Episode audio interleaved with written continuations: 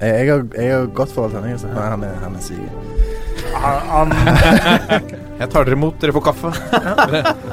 Nå mista jeg lyden i høretelefonene. Der kom de tilbake. Ja. Ja, det er hyggelig å være her. Jeg er glad i, i podkast som fenomen. Jeg må ut. hjemme mot Lyngen Karnes gikk de på et litt leit 0-19-tap Oh. eh, her. Hvilken det- divisjon snakker vi? Er det tredje eller fjerde? Fjerde, fjerdedivisjon. Kjetil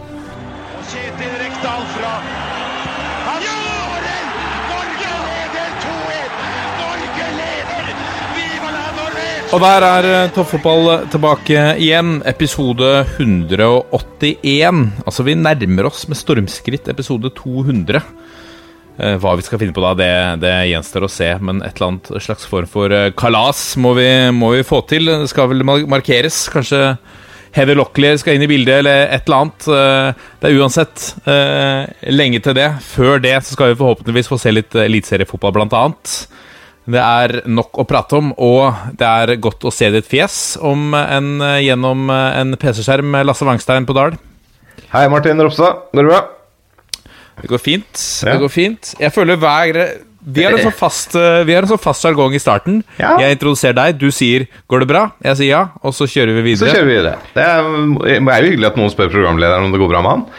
Ja, det er greit, på en måte. Jeg føler det er mest av høflighets... Uh, Ja, jeg er en høflig. Jeg kommer fra et møblert hjem, vet du. Ja, ikke sant? Ja, men uh, når det gjelder 200, da. Ja. Eh, Forrige på 100 så hadde vi vel ganske mange i studio. Så hvis disse smitteverntiltakene har blitt lempa opp litt, så må vi se hvor mange nåværende og tidligere medlemmer av toppfotball klarer vi å dytte inn i ett studio i en sending. Uh, det kan være interessant.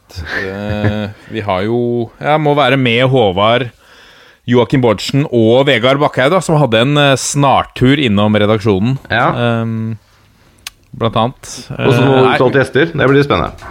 Ja, det blir meget interessant. La oss ta turen videre til Fettsund. Ehm, Jørgen Kjernås. Her er jeg. Ja. Jeg hørte akkurat eh, din far eh, kommentere tysk fotball på, på fjernsyn. Sitter han nå i Tyskland? Har de tatt seg en kjøretur ned til Tyskland, eller er de i studio? Nei, det kan du jo tenke deg svaret på sjæl, nesten. De sitter vel på Økeren, tror jeg, hvis jeg ikke tar feil. Uh, I en, i en de container eller noe sånt, eller? Nei, det er vel et sånt studio hvor de spesialiserer seg på å spille inn den type TV-produksjoner. Uh, Ja. Før så tror jeg de satt på Bjerkebanen, faktisk. Og så matcher der. Så hestene løpe forbi mens du kommenterte noen obskure kamper. Det er lite glamorøst, faktisk, når du ser for seg og det, det mest, altså det viktigste Ikke det viktigste, kanskje, nå får vi kjeft fra sikkert eh, Galåsen og andre, men et, et av de store oppgjørene i tysk fotball, så kommenteres det fra Bjerke travbane. Ja, det, men eh, eh, Jeg tror vel ikke man tenker så mye på omgivelsene der. Eh, og vi som har vært litt rundt på pressetribuner, det er jo ymse der òg. Det er ikke så nøye så lenge det er 22 mal- mann som løper etter en ball, og helst ett mål i hver ende av banen. Hva tenker du nå? Du har sikkert sett litt eh, fotball eh, så langt. Om liksom, Vi har fått en forsmak på hvordan det blir å se vår egen eliteserie. Hva er liksom feelingen? Nei, Feelinga er jo at å krysse av UB på tippekupongen høres ut som et eh, godt eh, skudd. Det er vel eh, overraskende få Eller ikke overraskende få, men det er langt færre hjemmeseiere i Bundesliga så langt, vel, og bond, andre Bundesliga, enn det pleier å være. Og det henger jo så klart sammen med at på en måte en del av hjemmebanefordelen forsvinner jo når det er folketomt istedenfor at det er 70 000 på tribunen. Så ganske venta sånn sett, og det samme tror jeg jo du får se litt i Norge. At uh, det blir færre hjemmeseiere denne sesongen hvis vi skal spille uten tilskuere, i hvert fall på øverste nivå. Uh, og så eh, blir spennende å se hvordan det har å si sånn med tanke på fem bytter og alt sånt. Det blir jo noe kule Altså, det er jo litt kult sånn eh, taktisk sett å se hvem som klarer å utnytte de tinga be best, da. Eh, jeg ville eksempel veldig sterkt vurdert hvis det fantes en aktuell rollespiller å ha i et lag eh, nå. Hvis du har du mulighet til å hente en kjempe på to meter fra tredjedivisjon som kanskje har sine mangler, da, men som eh, er en ekstrem rollespiller og som kan eh, heade litt, så er det på en måte en mulighet når du har fem bytter. Eh, tror noen kan tenke i de baner, i hvert fall. Det blir gøy å se liksom, de kreative tankene der. og eh, Kanskje spiller én fyr tre, 60 minutter, og så blir han bytta ut, og så spiller han andre 60 minutter neste kamp tre dager seinere. Så, så de med stor stall kommer også til å profitere litt på det hvis det blir kamp veldig mye tettere enn vanlig. La oss uh, leder oss over på uh, vår mann i toppfotballen. Ole Martin, du er på plass. Jeg er på plass, vet du. Sitter på kontoret, jeg. du var litt i tvil eh, om du rakk å bli med i dag, for nå er det litt hektiske dager hos dere? Ja, deilig. Deilig at det skjer litt ting igjen. Så um, nå har det vært litt informasjon for klubbene i dag, og så um, som for så vidt ikke var så mye ny informasjon, men alltid kjekt å få bekrefta ting man tror, eller bekrefta ting som kanskje er eh, rykta. Eh, så, ehm, så, fint å få litt info. Så må vi planlegge oppstart. Nå er jo Eliteserien godt i gang, og det har gått veldig bra første to ukene, så det nærmer seg veldig for oss òg. Har du planer om å hente en eh, Karsten Janker fra norsk tredjevisjon for å utvide stallen litt? Nei, jeg er ikke helt uh, der. Sånn umiddelbart når Jørgen prata om det, så kom jeg på at skulle jeg ringt noen, så er jo Tor Hogne Årøy fortsatt litt sånn lett jogg, tror jeg, borte på vestkysten der. Så det hadde vært, vært interessant, akkurat det. Men uh, vi er nok ikke i en økonomisk situasjon hvor vi kan ta oss råd til å ha spillere som vi kanskje får bruk for i tre minutter i år. Så vi må, vi må nok tenke litt mer helhetlig, men at det er et poeng det Jørgen har, definitivt. Tror du at det er noen klubber som kommer til å benytte seg av det? Gjøre det på den måten? Ja, det tror jeg. Uh, om kanskje ikke så ekstremt, men, at klubbene nå tenker litt annerledes. Uh, definitivt. Du har jo, vet ikke jeg om det er noen ting i det, men bare i dag så har Øygarden uh, blitt linka til Azar Karadas, som er en sånn, sånn, type variant. Så om det er noe i det ryktet, så kan det godt hende at Azar Karadas kan skaffe Øygarden noen poeng. Så at klubbene tenker litt annerledes, det tror jeg helt klart. Så blir det spørsmål om det er verdt å bruke penger på det. Vi i Strømmen har vi også jobber for å få spillere inn, eh, men eh, vi jobber for å få spillere inn som vi kan eh, bruke enda oftere, da. Kan, kan vi få se at Frode Kippe snører på seg skoa igjen? Ja, det kan sikkert fort hende. Nå har han kommet en BA-lisens i dag, så jeg, så det er jo godt tegn for han. Da kan han jo jobbe videre med, med, med trenergjerningen sin nå, men det er klart Hvis LSK får skader, så er han fortsatt registrert i klubben. Så han kan jo enkelt bli registrert som profesjonell spiller igjen, og det er noe spillerberettiga. Så jeg ville ikke, vil ikke blitt sjokkert om han plutselig står ute på Åråsen i år òg.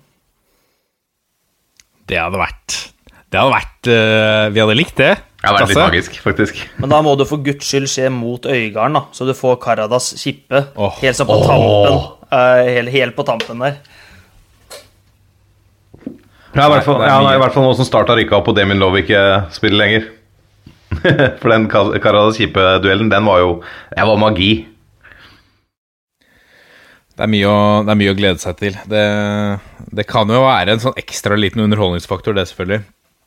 I dagens sending skal vi snakke Vi må en tur innom, en tur innom Molde. Eh, vi har litt overganger i uh, Obos og Eliteserien. Um, vi har uh, noe så sjelden som en liten reality-spalte her i, i toppfotball. Det gleder vi oss til. Eller, jeg vet ikke.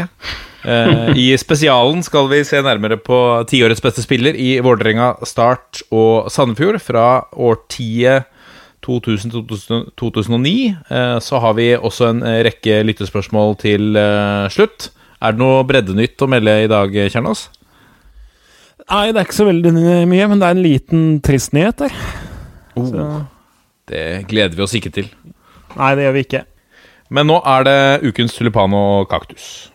Nå må de faen meg skjerpe seg, så kommer jeg å rive hodet av hver enkelt av dem.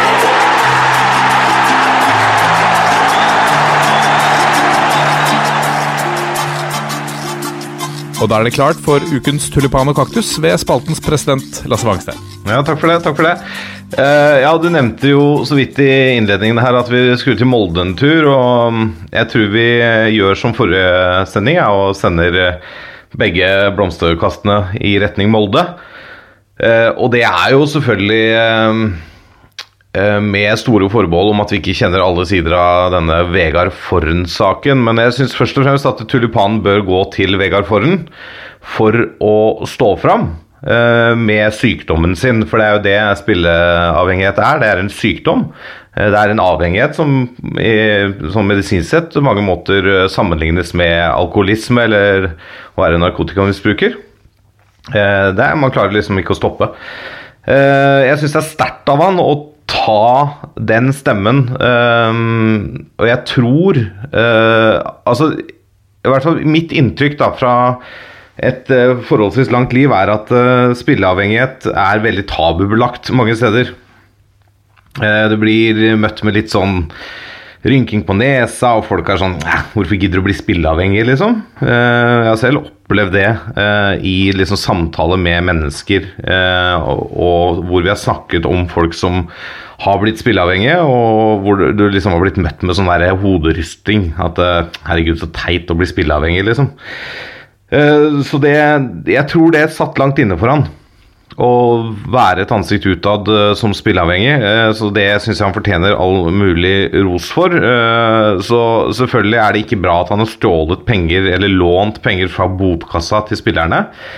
Men jeg syns sånn saken fremstår nå, at Molde burde håndtert den annerledes. Hvis det stemmer at Molde nå har lyst til å kvitte seg med Vegard Forhen oppi denne situasjonen her, så syns jeg det er dårlig. De burde verne om han. Ja, han trenger den støtten han kan få i en sånn situasjon. Jeg tipper Vegard Forhund er ganske langt nede. Han har eh, løyet for familie, han har løyet for kona, han har løyet for eh, lagkamerater og arbeidsgiver. Han har stjålet eller lånt fra eh, lagkamerater. Jeg syns det er rart at eh, spillerne blir ilagt munnkurv av Molde og ikke får lov å uttale seg, men selvfølgelig hvis de har bedt om det selv, så er det en helt annen sak. Igjen da med forbehold om at jeg ikke kjenner alle sider av saken. Eh, og selvfølgelig også hvis det er sånn at spillerne nå har sagt at nå er det bra, nå vil vi ikke ha han på laget lenger, så har jo Molde egentlig ikke noen øh, vei utenom enn å øh, kvitte seg med en. Men jeg har vanskelig for å tro at en spillergruppe øh, der oppe ikke vil prøve å hjelpe kompisen sin. Og la han prøve å gjøre opp for seg og, og være til støtte for han. Eh, Jeg sliter med å se at det er en reell situasjon. Eh, Så ja, jeg bare håper han kommer ut av dette At han lander på beina, at han får mye støtte og hjelp nå fra, fra de rundt seg og, eh, og sånne ting. Det, for det er, det er en kjedelig sak, det er en trist sak, rett og slett. Ja, Det er ikke tvil om det. Så ga han jo et ganske utfyllende intervju. Det var vel først Romsdals Budstikke som gjenga det. Eh, Ole Martin, du, eh, du ønsker jo ikke å uttale deg sånn i, i detalj rundt uh, sånne typer saker som angår uh, enten sånn trenerkollegaer eller blir litt tett på i, i toppfotballen. Men, men, men Jørgen dersom det viser seg altså det, det, det er jo litt som Lasse sier, at vi kjenner jo ikke alle fakta i saken her. Og det kan jo også være at, at eh, dette har blitt en slitasje på gruppa. At det kom til et punkt at nå er det nok.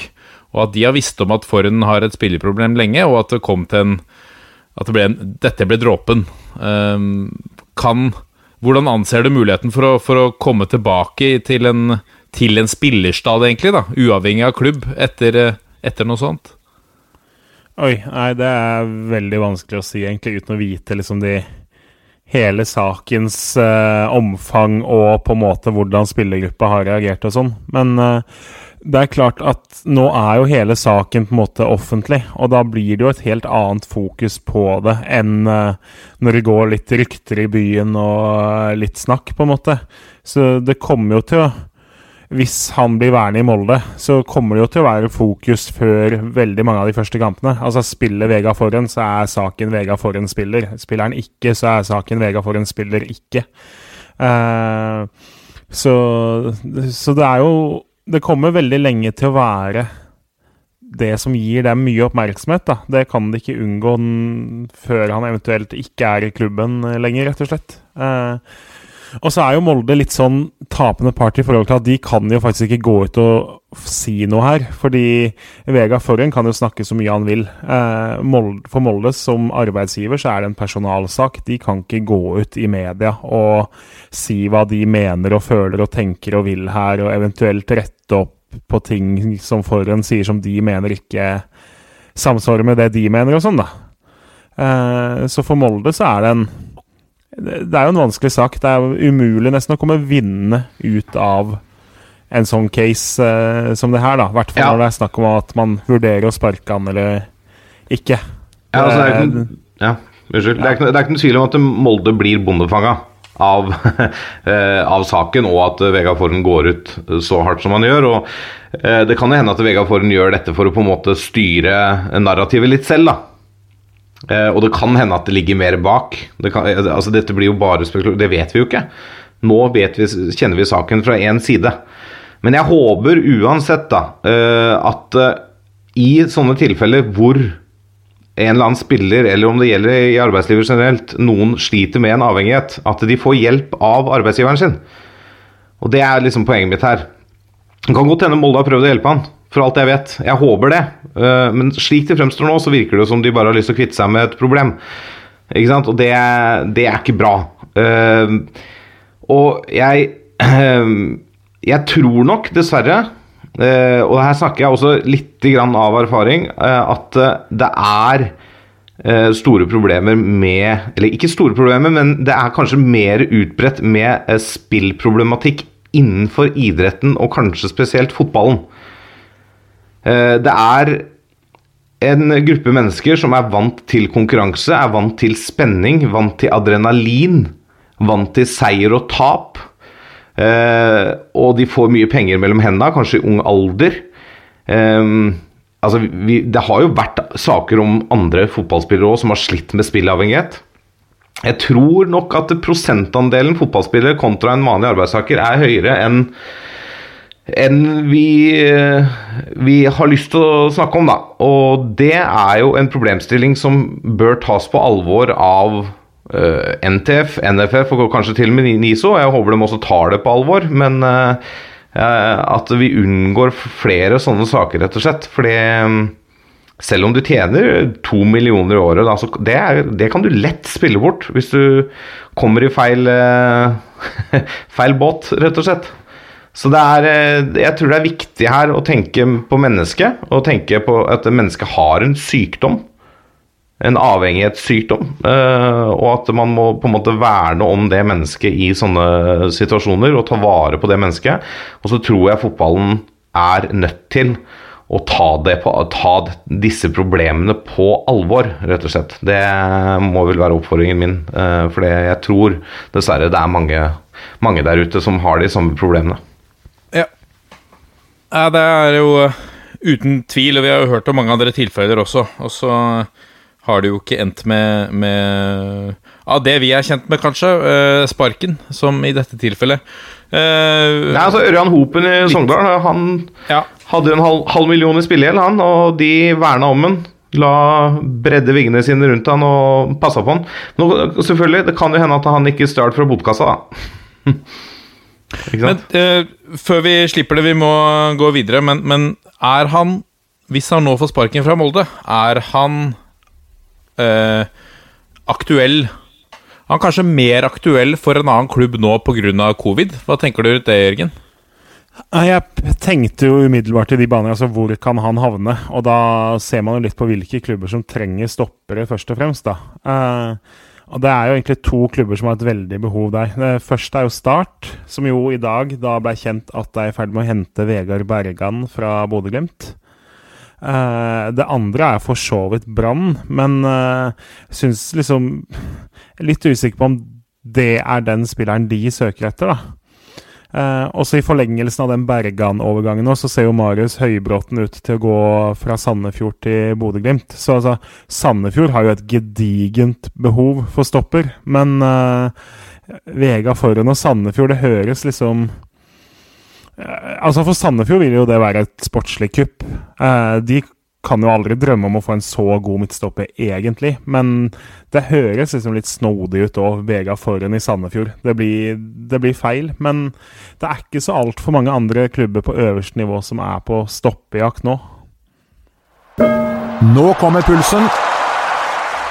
Og da er vi kommet til pulsen, og vi begynner pulsen med et par eh, signeringer. Fordi eh, Torgeir Bjarmann har vel, eh, hvis ikke jeg går glipp av noe her, gjort sin første signering som uh, sportssjef i Stabæk. Cornelius Nordmann Hansen er hentet fra uh, Southampton på et opphold der. Han står med, med 22 mål på 43 kamper på aldersbestemte landslag. Spilt mye på reservelaget til Southampton i det siste. Allsidig angrepsspiller. Hva tenker vi om den overgangen? Det lukter jo nesten litt sånn Inga André Olsen. En, en smart overgang med en ung spiller, eh, Jørgen.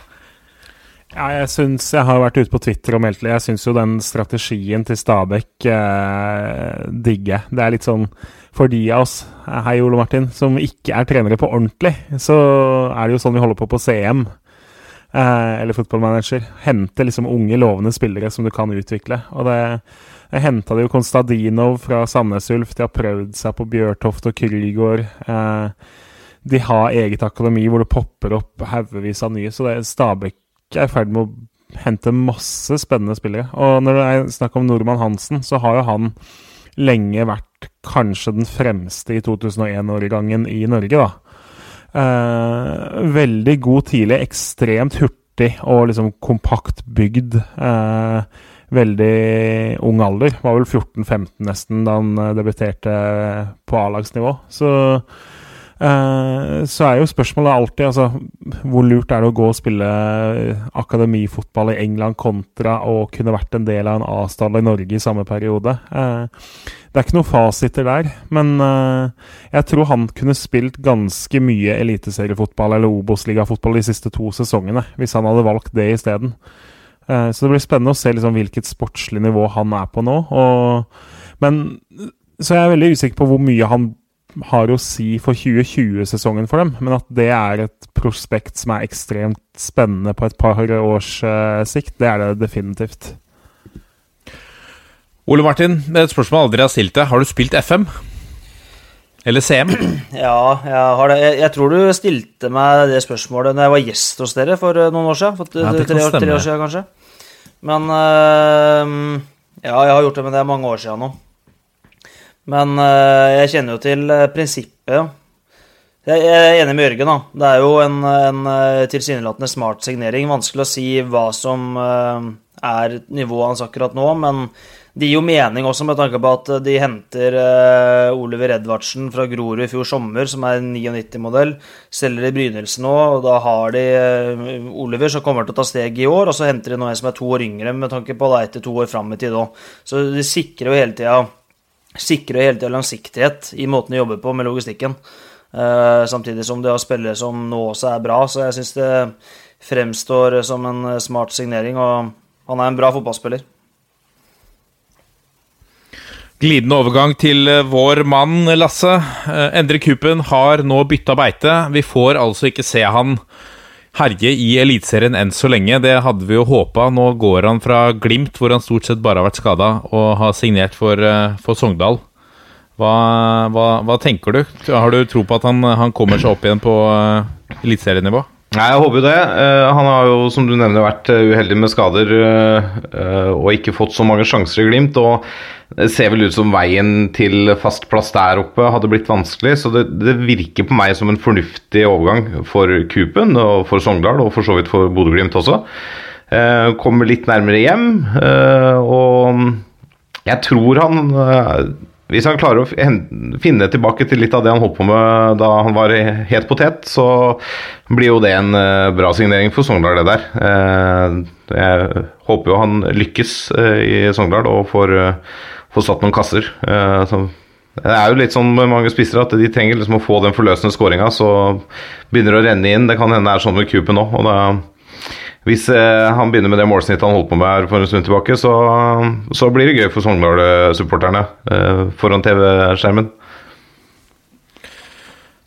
Ole Martin, du også har jo hjulpet Sogndal litt med å forsterke laget før, eh, før sesongen ved å slippe Blårud her for en uke siden. Er du, er du redd for å møte Endre Kuppen?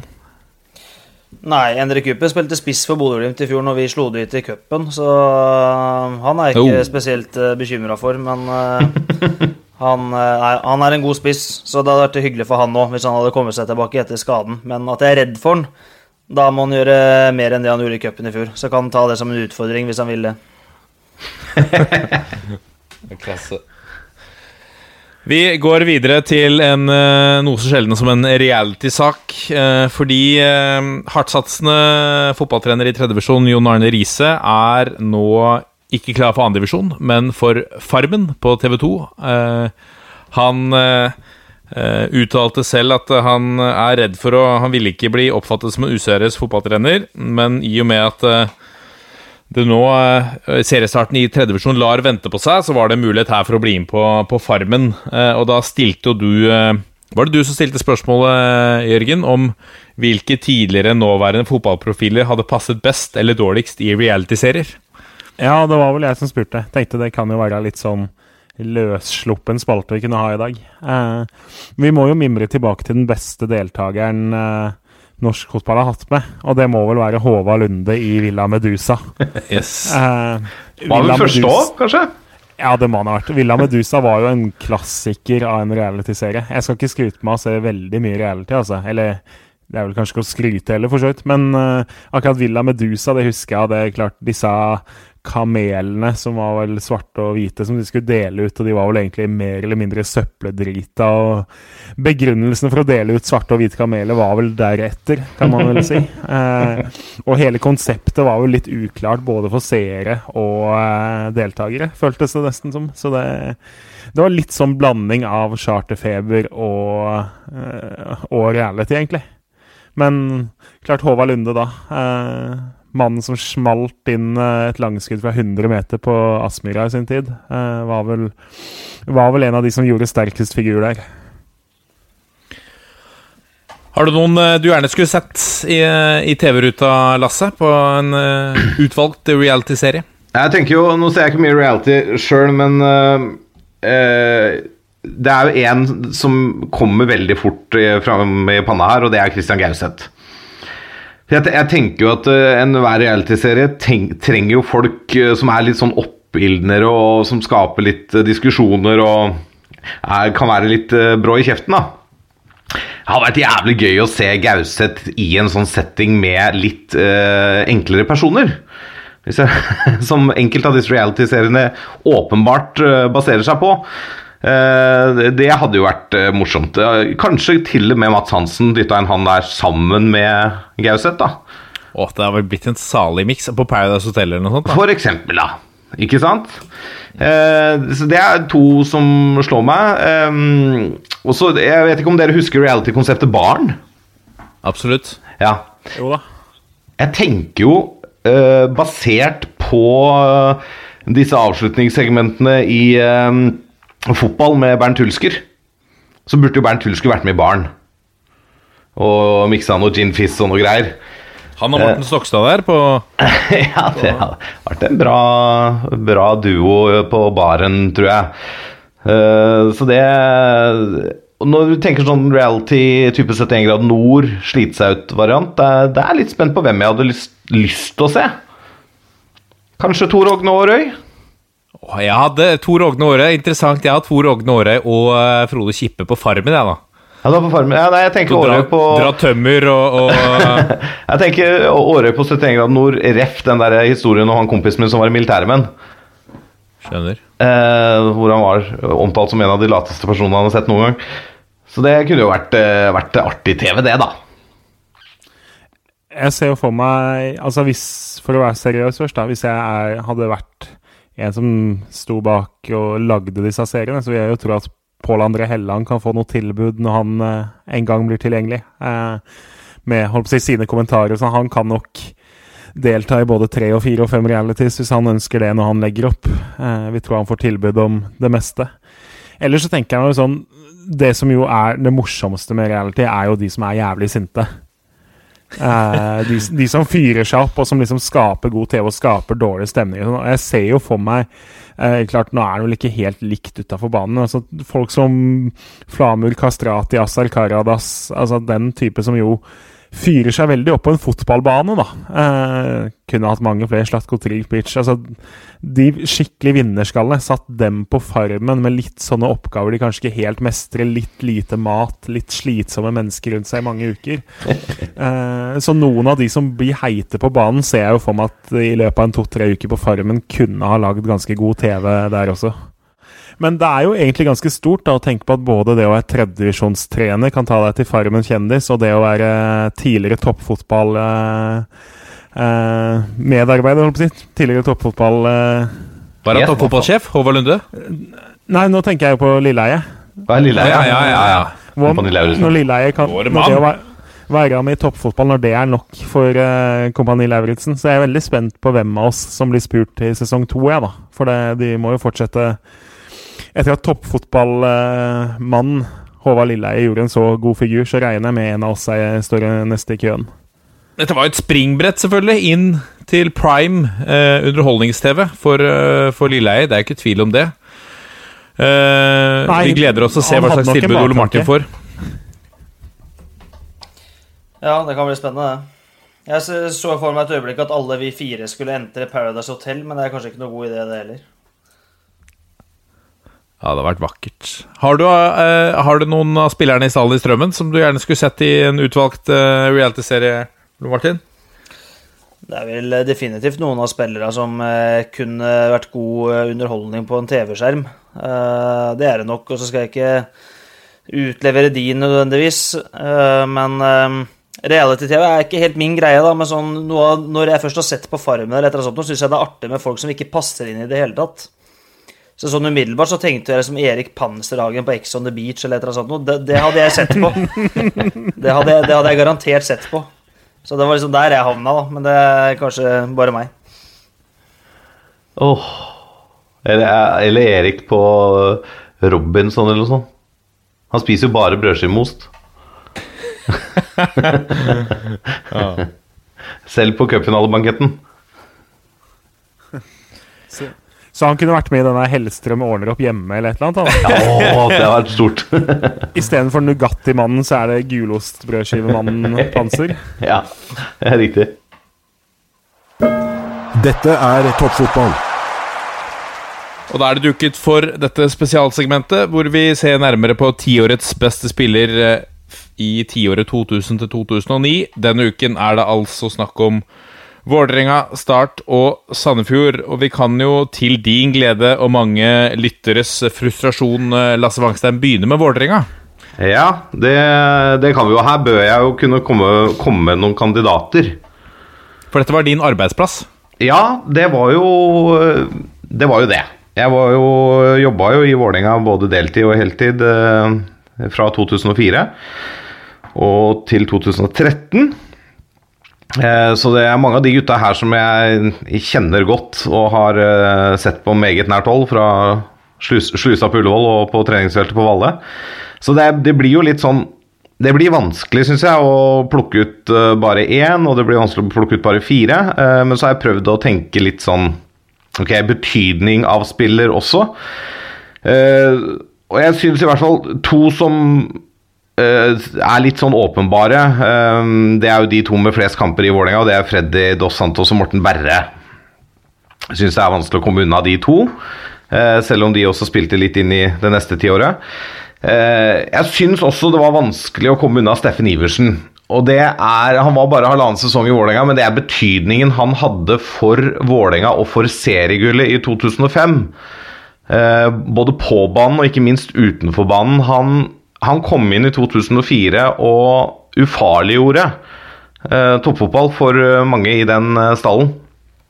Eh, og liksom altså Lett og ledig type, stemningsskaper. Eh, godt humør. Eh, så han har jeg nominert. Eh, jeg har ikke nominert Moa, fordi at selv om han på en måte slo igjennom i 2008, eh, så var det jo vel egentlig 2010-sesongen han var helt, helt brennheit og ble solgt, men han var jo veldig god i deler av 2008 òg. Men jeg droppa Moa.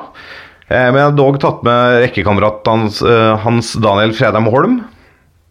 Har jeg tatt med som en kandidat. Eh, Jeg har tatt med Arne Gauter Arason, som kanskje var den andre enkeltspilleren som var veldig viktig for det seriegullet og for oppturen til Vålerenga midt på 2000-tallet. Eh, Ronny Johnsen må jo også nevnes i den sammenheng. Eh, og så har jeg også skrevet ned Kjetil Wæler og Christian Grindheim. Og Tom Henning Hove, ikke minst, kapteinen. Uh, og Bojan Sajic. Uh, bare fordi at jeg er så glad i Bojan som eh, spiller. Så det, det var mine kandidater, da. Ingen Mikko Kaveen eller Padem Botorai? Nei. Ikke Mikko Kaveen. Eh, Padembo hadde vært gøy. Han var jo en halv sesong. Eh, tok eh, ei heller med Ragnar Klavan. Eller Runar Nordmann. Nordmann med mål mot eh, Newcastle der i, i Uefa-cupen. ja, det var hjemmekampen. Da ble jeg 1-1. Da uttalte han vel at vi hadde ikke trengt å reise engang hvis ikke det var for meg. Ikke sant? Ydmyk. Så ydmyk type. Det var egentlig bare ett navn jeg savna, med fare for at uh, det var jeg som sov. Og det er jo mannen vi snakka om i forrige spalte, nemlig Panser. Ja. Uh, som jo kom fra på Jevnaker eller Fønefoss Godset. Kom, til, kom egentlig som en førstedivisjonsstopper og blei landslagsstopper og gikk til Zenit. Og så kom han tilbake til Zenit og Wiggen og var god òg. Så han, han var jo kvalitet og hadde en voldsom stigning, da. Men det er klart eh, når vi skal legge ut en avstemning, så er det vel god sjanse for at godeste Berre vinner den, når folk eh, ser hvem de kan stemme på. Så Ja, jeg, jeg, jeg vurderte Panser eh, veldig sterkt. Um, falt ned på Uh, altså, han var, med, han, han var med på mye i Vålerenga. Uh, han var med, å- var med å ikke rykke ned i 2003. Han var med på cupgullet eh, året før. Og som du sier, han, han ble en veldig profil og veldig, veldig helt i klanen. Men samtidig, han gikk året før det ble seriegull. ikke sant? Da øh, ikke det at det nødvendigvis skal diskvalifisere han, men det var så mye andre gode stoppekandidater òg. Ronny Johnsen, Kjetil Wæler osv. Så, videre, så det, da, da havna han rett utafor min topp ti-liste, akkurat nå i hvert fall. Men jeg er helt klart at han, må- han må vurderes. Freddy og, og Morten Berre er vel bankers. Freddy hadde jo flere kamper, eh, 206 kamper ifølge fotball.no i denne perioden. Eh, Morten Berre 166. Freddy hadde 40 skåringer. Morten Berre 24. Morten Berre kanskje enda flere viktige mål. Ja, altså Freddy var jo toppskårer og litt sånn òg. Morten skåra liksom jevnt og trutt. Han skåra jo var det 17 eller 18 eliteseriesesonger på rad han skåra mål. Eh, så Og han, han, var jo en spiller som eh, alltid ble avskrevet, og som alltid fikk spille. Ekstrem vinnerskalle. Alltid på det vinnende laget på trening. Eh, veldig bra forbilde for de yngre spillerne. Eh, veldig bra mann i garderoben, selv om han eh, ikke fremstår som en veldig sosial type i media. Det er han jo ikke så glad i, men eh, vi som kjenner ham litt utafor banen, vet han at han er jo en helt annen type. Så Han var jo god utover neste ti år òg. Morten holdt jo på lenge. Men ja, jeg syns de to må med. Jeg, av de tre, altså Ronny, Arnie og Steffen, som på en måte var sånne nøkkelbrikker for å ta det siste steget opp til seriegull, så mener jeg Steffen var den viktigste, og da, da havna jeg på Steffen Iversen der. Så det er i hvert fall mine tre åpenbare kandidater. Og så, men jeg skal ikke klubbe de, jeg, altså. Men eh, så må vi må jo finne en fjerde òg, eventuelt. Ole Martin, noen følelser til uh, Vålerenga på det tiåret der? Her har Lasse mye bedre oversikt enn det jeg har. Så, men det er klart alle de navnene han nevner, er jo navn som sikkert jeg også hadde kommet eh, med hvis jeg skulle gått inn i dybden på det, men jeg regna med at eh, Lasse hadde kontroll på det. Men jeg synes allikevel det, det er ett navn jeg har lyst til å nevne, selv om han ikke hører hjemme her, strengt tatt. Men i det tiåret så er det en jeg husker veldig godt, som jeg så litt opp til, og det er Øyvind Boltoff. For han var der. År etter år. Ja. Og var dønn lojal og sto i nedrykk og sto i opprykk og sto i seriegull. Og så måtte han stå noen matcher, og så gikk det jævla fint. Og så, eh, så han husker jeg beundra. Han er jo ikke eh, beste Vålerenga-spilleren i de ti åra, men han fortjener å bli nevnt, for han var der vel nesten alle åra, tror jeg. Og var vel sikkert i troppen i 98% av kampene, vil jeg tro. også. Ja, han var jo det. Han, øh, han var jo dønn lojal til Vålerenga hele veien, selv om det alltid ble henta en ny førstekeeper. Eh, Han sto jo ganske mange kamper i 2004-sesongen. Da var det vel han og Padembo som bytta på. Eh, så, han fikk jo ikke nok kamper til seriegull i eh, 2005, men eh, det er en historie som kanskje ikke så mange vet. Men eh, Lars Bohinen, daværende assistenttrener og sportslig leder, han ga jo bort eh, sin serievinnermedalje til Øyvind. Som takk for lang tro tjeneste og innsats og sånn. Og Øyvind var viktig på, på feltet, altså. Han, eh, han ga seg ikke med det første, han. Eh, så er det jo sånn at Øyvind er jo en fyr jeg anser som en, eh, en god kompis. Vi har litt de samme interessene med å slenge noen fluer eh, ut på et vann og håpe at en ørret skal ta det og sånn. eh, Og vi, vi går godt i lag, så jeg føler jeg på en måte er litt inhabil på Øyvind, da. Men eh, jeg er helt enig at i det tiåret så var han viktig, og han var ekstremt viktig i cupfinalen 2002. Den ene redninga der, den er jo Den burde jo nesten kvalifisert den alene. Vi har eh, Freddy og Morten Berre. Uh, Steffen Iversen kanskje må med med tanke på hans viktighet for det seriegullet. Kjernås, uh, du får siste ord på, på sistemann der, da. Ah, Nå var det så sjukt uh, fristende å dra fram noen av de mange som hadde vært morsomme å dra opp hvis, hvis vi skal gå det dårligste Vålerenga-spiller på samme tiår. så kunne Levan vært Melkatz og sånn? Ja, noen sånne navn. Eh, Abesela? Nei, altså Jeg sa Panser, men jeg syns Kristian Christian Grindheim er litt i samme kategori nå, jeg, da. At det på en måte kom fra nedrykk i eh, Nedrykk i førstedivisjon i 2004 til å bli seriemester og landslagsspiller på under et år, så, og var god. Så jeg tar med han, jeg. Jeg støtter den. Den er god. Da er det de fire som er eh, kul klubba. Vi går eh, videre til eh, start. Hele Norges heislag, som uh, Fedrelandsvennen kaller de det. De eh, har eh, altså flest opprykk og nedrykk eh, til Eliteserien siden eh, fra 1963 fram til nå. Eh, det veldig mange ikke vet, er at Ingebrigt Sten Jensen, Stabæk-guruen, var med på å redde Start tidlig på 2000-tallet. Da var det et foredrag med Ingebrigt Sten Jensen som eh, ildna fram en rekke investorer for å spytte inn penger til Start. Og på den måten så holdt klubben seg flytende. Um, ut Start har, er et lag som alltid som har en interessant historie, syns jeg. Helt fra uh, Matta og Myggen og den uh, tida der. Uh, jeg husker veldig godt da Jan Halvor Halvorsen leda laget på starten av 2000-tallet. Eh, Så kom jo Erik Soler og Ernst eh, Ravnås inn på eiersida der, og da skulle, de, da skulle de til Champions League i 2007. Sånn gikk det ikke. Istedenfor så eh, fikk vi vel Start, eller Sør Arena i 2008, som de krona med nedrykk, blant annet. Så de har jo hatt litt motgang i start, men det var jo selvfølgelig da på midten av dette tiåret hvor var deres virkelig Altså det er den største storhetstiden da på mange år med seks spillere i landslagstroppen, eh, blant annet, og eh, altså navn som eh, Fredrik Strømstad, Marius Johnsen, Atle Haaland, Kristoffer Hestad. Vi hadde jo til og med et Myggen-comeback her på, på tampen av dette tiåret. Champions League-vinner Steinar Pedersen. ikke minst, ikke minst. Um, det er Så hadde de en eh, eh, I tillegg til Jan Halvorsen, Stig Inge Bjørnby, Benny Lennartson, Tom Nordli, Arne Sandstø, Knut Tørum Det var mye trenere dem også på, denne, på dette tiåret.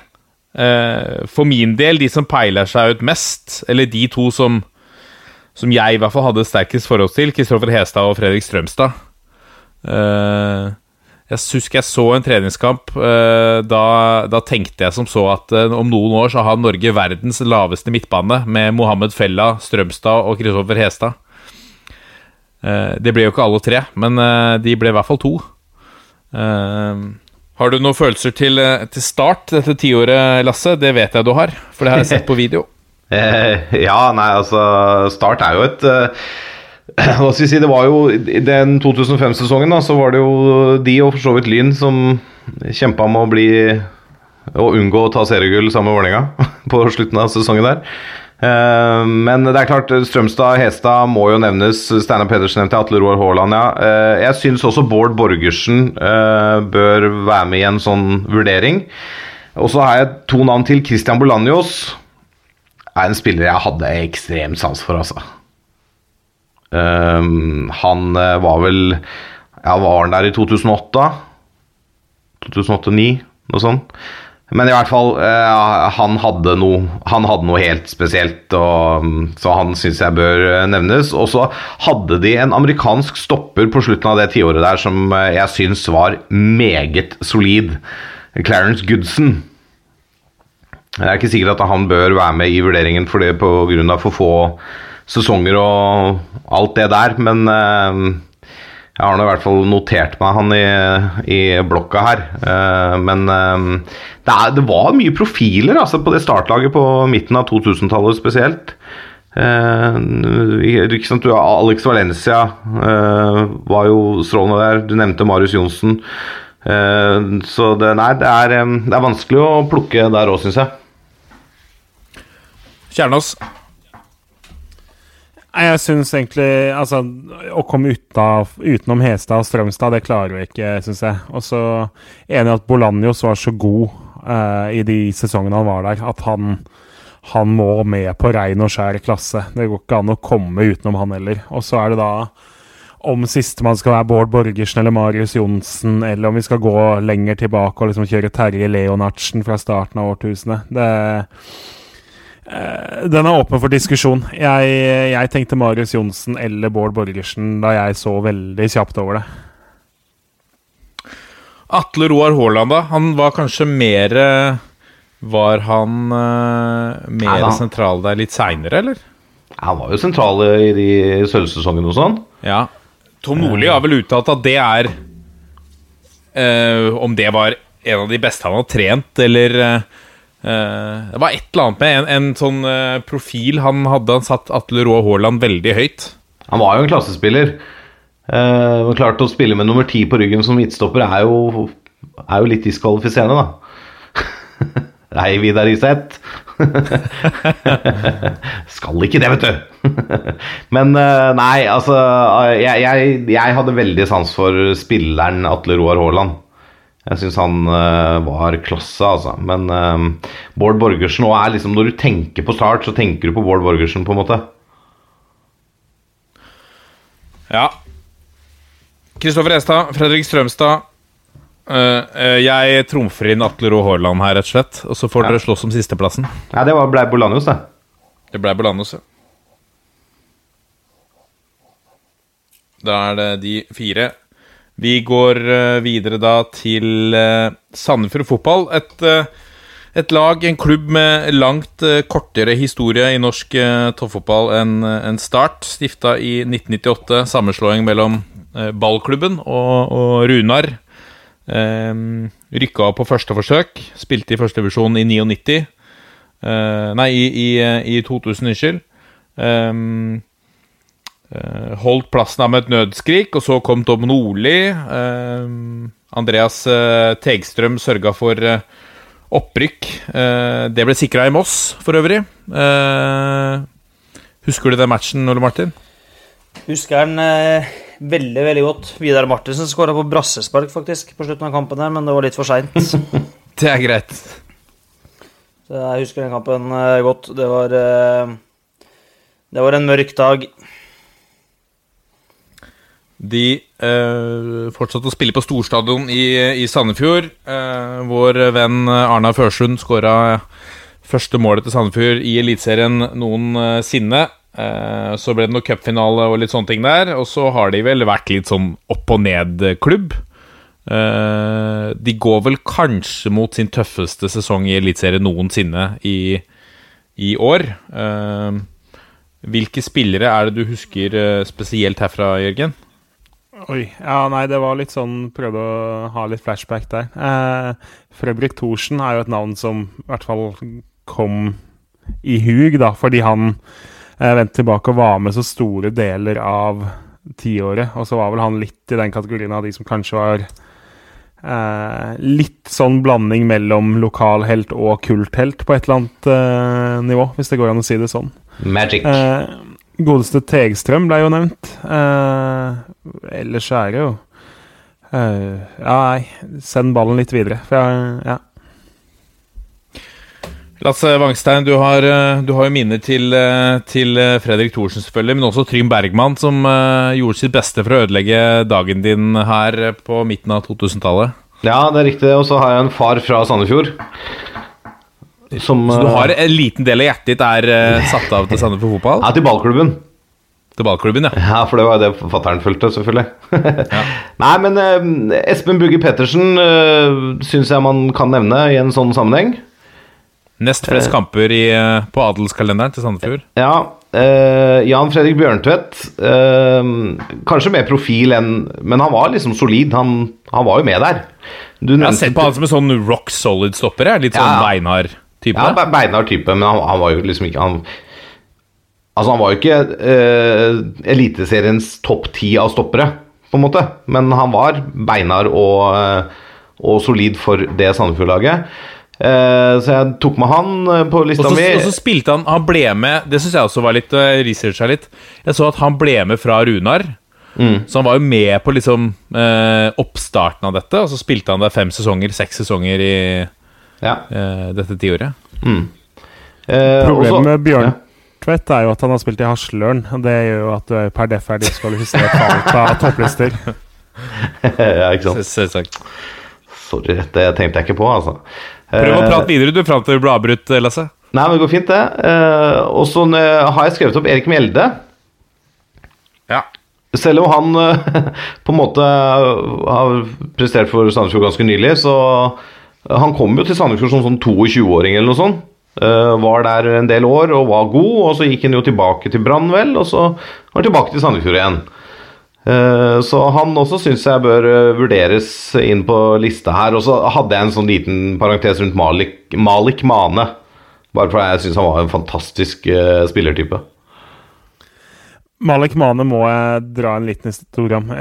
Først så må jeg jo si at Mjelde Jeg måtte gå tilbake og se. Han skort, Mjelde skåret jo 11 mål i 2009-sesongen i Tippeligaen for dem, og var jo faktisk der fra 2005. Jeg husker ikke at det var så lenge, så det er jeg at. Men godeste Mane han var jo på et særdeles mislykka lån i Hønefoss i 2015. Fra IFK Göteborg, men før det så var han jo på lån til Central Coast Mariners i Australia. Eh, og det hevdes jo da at godeste Mané fikk en forespørsel fra klubben om han ville gå til en klubb i et land han oppfatta som Austria, altså Østerrike, og tenkte at det er ikke så jævlig langt unna, dit kan jeg dra et par måneder, og endte da opp med flybillett til Australia isteden. Fy faen. Ja, det er gøy. Den er heftig. Vi må, vi må nevne eh, Samuel Isaksen. Spilte der hele tiåret. Nesten 200 kamper. Eh, Ja, han, han må med, nesten, må han ikke det? Det er et navn Ja. eh, Her har jeg gjort dårlig research og vært mye, holdt på å si Hatt litt for lite tid, men det, når du sier det, så gir det veldig god mening at han skal med. Helt enig. Andre på eh, som kan nevnes her. Eh, seks sesonger. Geir Ludvig Fevang. Eh, 100, nesten 170 kamper. Eh, er jo en mann som vi ble, ble godt kjent med i, i toppfotballen i, i start også. En annen litt sånn ku- kulthelt, eh, men han skåra jo masse mål. da Olav Tuelu Johansen husker jeg veldig tidlig jeg fikk sansen for som en, eh, som en målskårer for, for eh, Sandefjord. Han var vel et sånt produkt av eh, veldig, veldig god på CM. Ja, men hvis du ser på statsa hans, en i denne perioden, fra 2003 til 07 91 kamper og 37 mål. Ja da, han, han, han gjorde det jo bra, men uh, han, han ble jo liksom litt ekstra kulthelt på Uh, av eh, at han, han var bankers og kjøper på CM uh, til en litt større klubb, og så bøtta han inn mål. Det er helt eh, korrekt. En annen mann eh, vi kan nevne, Tom Helge Jacobsen, var der tidlig på 2000-tallet. Um, Andreas Tegstrøm nevnte vi. Et par Altså Han hadde jo en to-tre sesonger der, men viktige skåringer. da eh, Sikra opprykk og var jo en klassespiss for de, i, ikke minst i, i førstevisjonen for å sikre opprykket. Jon Midthun Lie er en annen mann jeg også kom på som en god uh, venstreblekk. Gikk vel til start også seinere sammen, sammen med Tom Nordli. I det hele tatt så var det jo en del som fra dette laget som Tom Nordli henta til start, når han eh, tok over der. Eh, som jo også tyder på eh, litt kvalitet. Men vi, eh, vi kan vel Vi har vel klubba egentlig Har vi klubba Magic, Tors Magic Thorsen, Espen Bugge Pettersen og Samuel Isaksen? Ja, i hvert fall de to sistnevnte. Uh, og så bør vel kanskje Mjelde og Fevang med istedenfor uh, Nei, Mjelde Ja, altså Mjelde, Fevang, Bugge og Isaksen. Er ikke det en firer som er uh, godkjent? Det er solid, den. Der, der får vi Her kommer vi på kjeft, men det, det, Det er vi vant til. Det er jo vant til. Og så er det jo uh, sånn eh, helt uh, som ikke handler om spillere, da. Men de to klubbene, sistnevnte klubber, Start og Sandefjord, de har jo gått i vidt forskjellig retning hva gjelder draktfarger.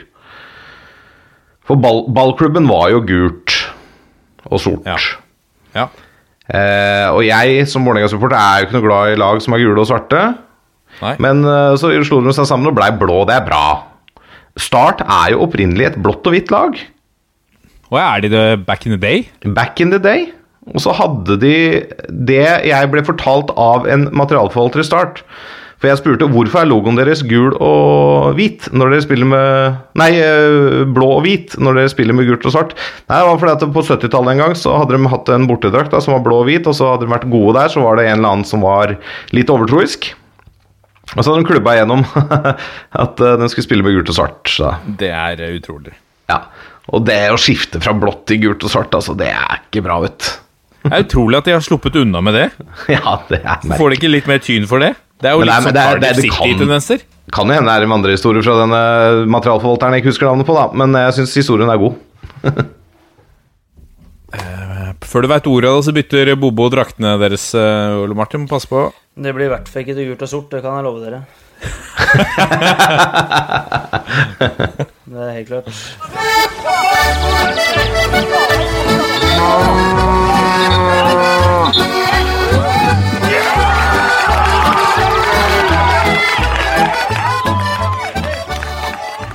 Og da er det duket for uh, Breddenytt ved spaltens eh, president, eh, Jørgen Kjernås. El Presidente. Jeg skulle prøvd å snakke fransk nå, for det skal handle om en fransk spiller. Jeg sa det var trist. Eh, Min favorittspiller i andredivisjon er Albert Macchiadi. eh, Venstre wingback hos Kvikkhallen. Egentlig den type wingback som jeg egentlig ikke syns det er så gøy å forsvare, men veldig gøy å angripe, og som vel har spilt offensiv midt eh, tidligere. Eh, masse mål og målgivende og offensive bidrag i fjor. Han har røket akillesen. Å, herregud, jeg tror, herregud, Jørgen. Jeg trodde Nå trodde Nei. jeg han stryker med korona. Nei, dessverre. Det er Nei, dårlig gjort, ass. Heldigvis. Uh, men uansett, da, det ser ut som 2020-sesongen går fløyten. Han var jo og trent med en del klubber, eller et par klubber i Obos. Uh, hadde vært veldig gøy å se der, men eh, Så nå mister jo da Kvikk Halden, som var fjorårets store overraskelse etter eh, Stjørdalsblink. Chaib har jo forsvunnet til strømmen, og Makiadi blir på sidelinja, så de mister sine to største X-faktor-spillere. da. Det var mange andre som var gode, men de to som liksom ga noe ekstra til det angrepsspillet. Så det, det er tunge nyheter eh, der. Hvordan ser uh, Shaib ut? Nå har du ikke fått sett den på en stund, eh, Ole Martin, men før eh, vi røyker på dette koronagreiene Nei, Josef er god, så han øh, Han hadde ikke spilt kamp på lenge, så han trengte noen matcher på å komme i gang, men så ser du jo altså han Hver gang han er involvert, så skjer det et eller annet. Så nedpå Marbella så er det jo Herjer noe med Øygarden først, og er involvert i begge skåringene våre der i forkant. og Burde hatt et straffespark til og er, øh, kommer til et par sjanser. Og også mot KFUM så er han jo et uromoment hele veien. Så han Josef er Josef. Han kommer til å bli vanskelig å spille mot, og han kommer til å bli vanskeligere og vanskeligere å spille mot. Så er det synd med Albert, ja, det hadde ikke jeg fått med meg, men han er jo mer enn god nok for å spille Obos-ligaen. Eller ikke akkurat nå, tydeligvis, men han var jo det før han røk akillesen. Så han øh, håper han kommer raskt tilbake. Jeg veit at det var flere av klubbene som øh, gjerne ville ha han. Dette er toppfotball. Og da er vi kommet til lyttespørsmål, og vi begynner med et spørsmål fra Cedric Andersen Lyngroth. Han lurer på om vi kan snakke litt om Martin Andresens Vålerenga-prosjekt. Hvorfor gikk det ikke, og kunne det gått? Det er vel lett, det er vel lett å svare på, Lasse. Det er vel et spørsmål de kanskje stiller seg allerede.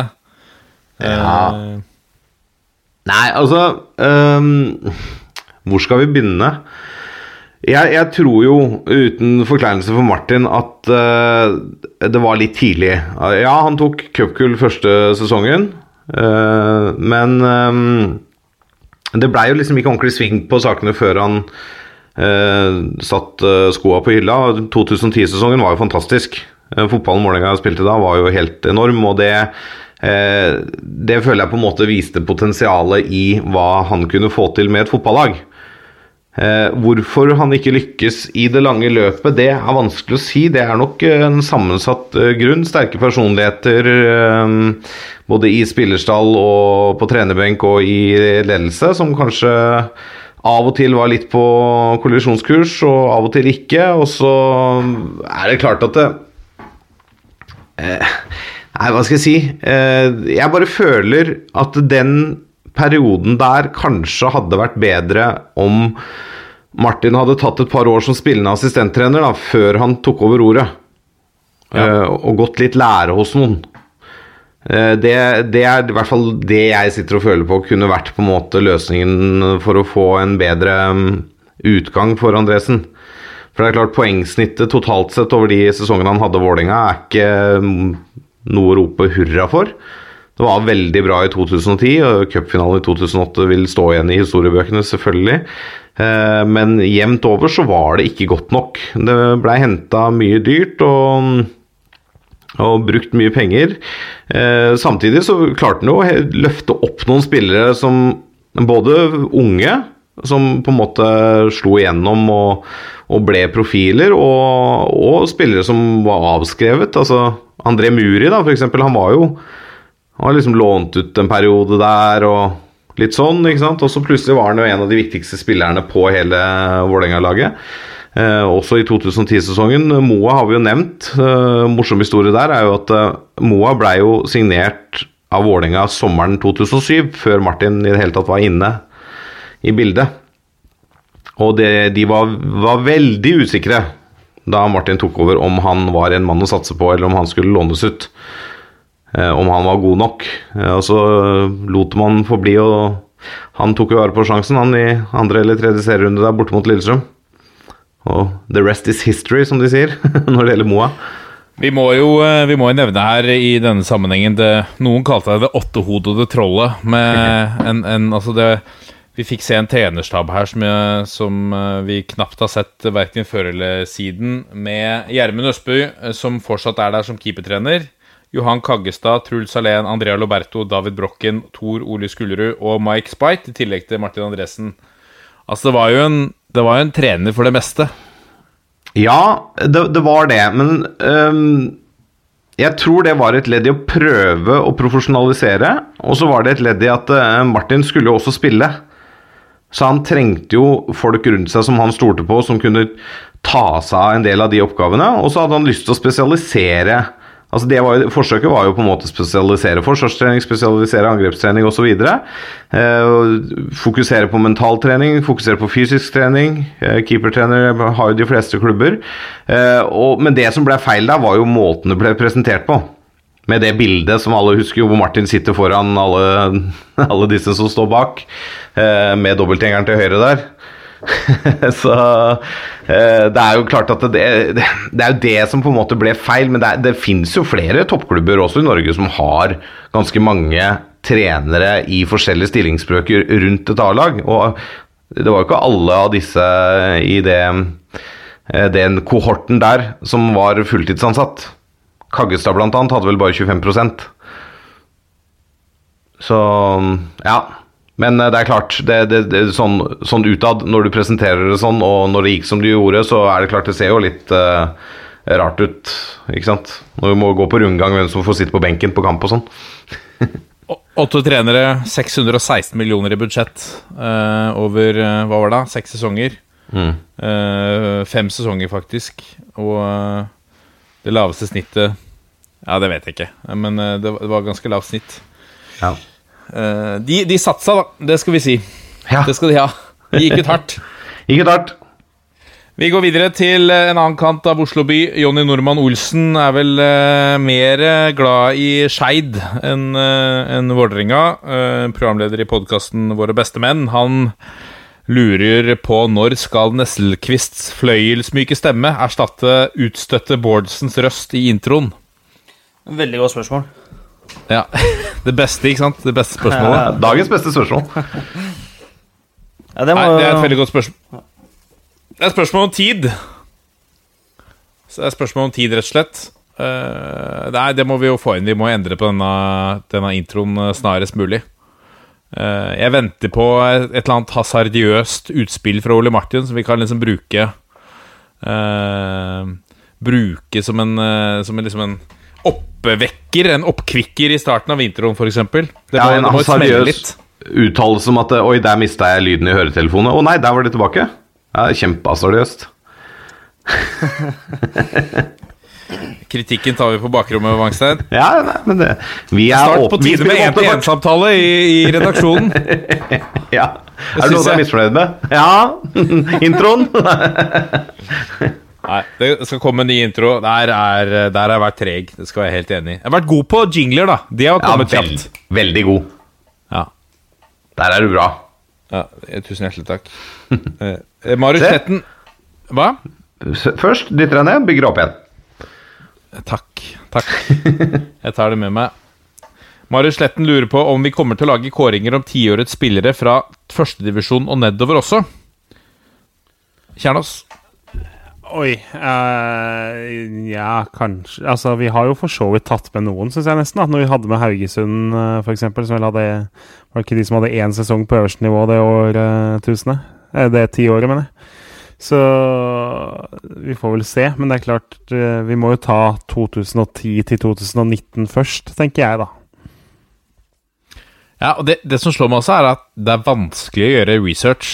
Eh, klubbene er Det er en liten jungel for å finne, finne fram til Finne fram til riktige spillere. Det er mye ymse statistikk ute og går. Det mangler litt tall her og der osv. Man er litt usikker på hva man skal stole på. Um, og når vi kommer nedover i divisjonene, så er jeg veldig spent på, på hvordan man skal gjøre det. Da måtte man eventuelt hente inn kanskje noen eksperter. Kjernås. Det har vært interessant å høre tiårets uh, Tiårets uh, spillere, f.eks. i Bømlo. Ja, det er Bømlo fotball er jo De er ikke gode, det er jo Bremnes som er laget derfra før. Men det klart hvis vi skulle gått ned til tredjedivisjon, så har du vel eh, noe sånn som 700 forskjellige lag som har spilt til tredjedivisjon eh, dette årtusenet. Så det er klart, jeg sliter litt med Drag og Våganes og Kåsen og Rugan og Sørmarka og Vesterålen 2 sine beste spillere på eh, dette årtusenet, det må jeg si. Men for, for all del, altså, eh, altså hvis, Ja. noen, Vi hvis, starter noen, med Vesterålen 2. hvis noen har lyst til å gjøre dette under toppfotballfanen, vær så god. Ja. En slags sub-podkast. Ja. Ja, det Eh. oppfordrer, på, eh, oppfordrer vi til, eller gjøre researcharbeidet.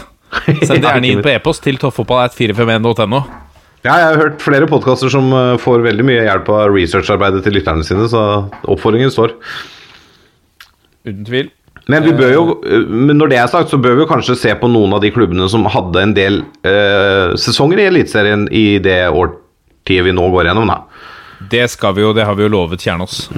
Ja, det må vi. Altså Sånn som Lyn, for eksempel, som jo jeg spurt om, er jo De er det jo gøy å se tilbake på. Ja. De hadde vel ni sesonger på det tiåret. Men så er det jo noen andre kule lag som vi etter hvert kan vurdere. Sånn type Løvham, eksempel, er jo et kult lag å ha litt uh, mimring tilbake på.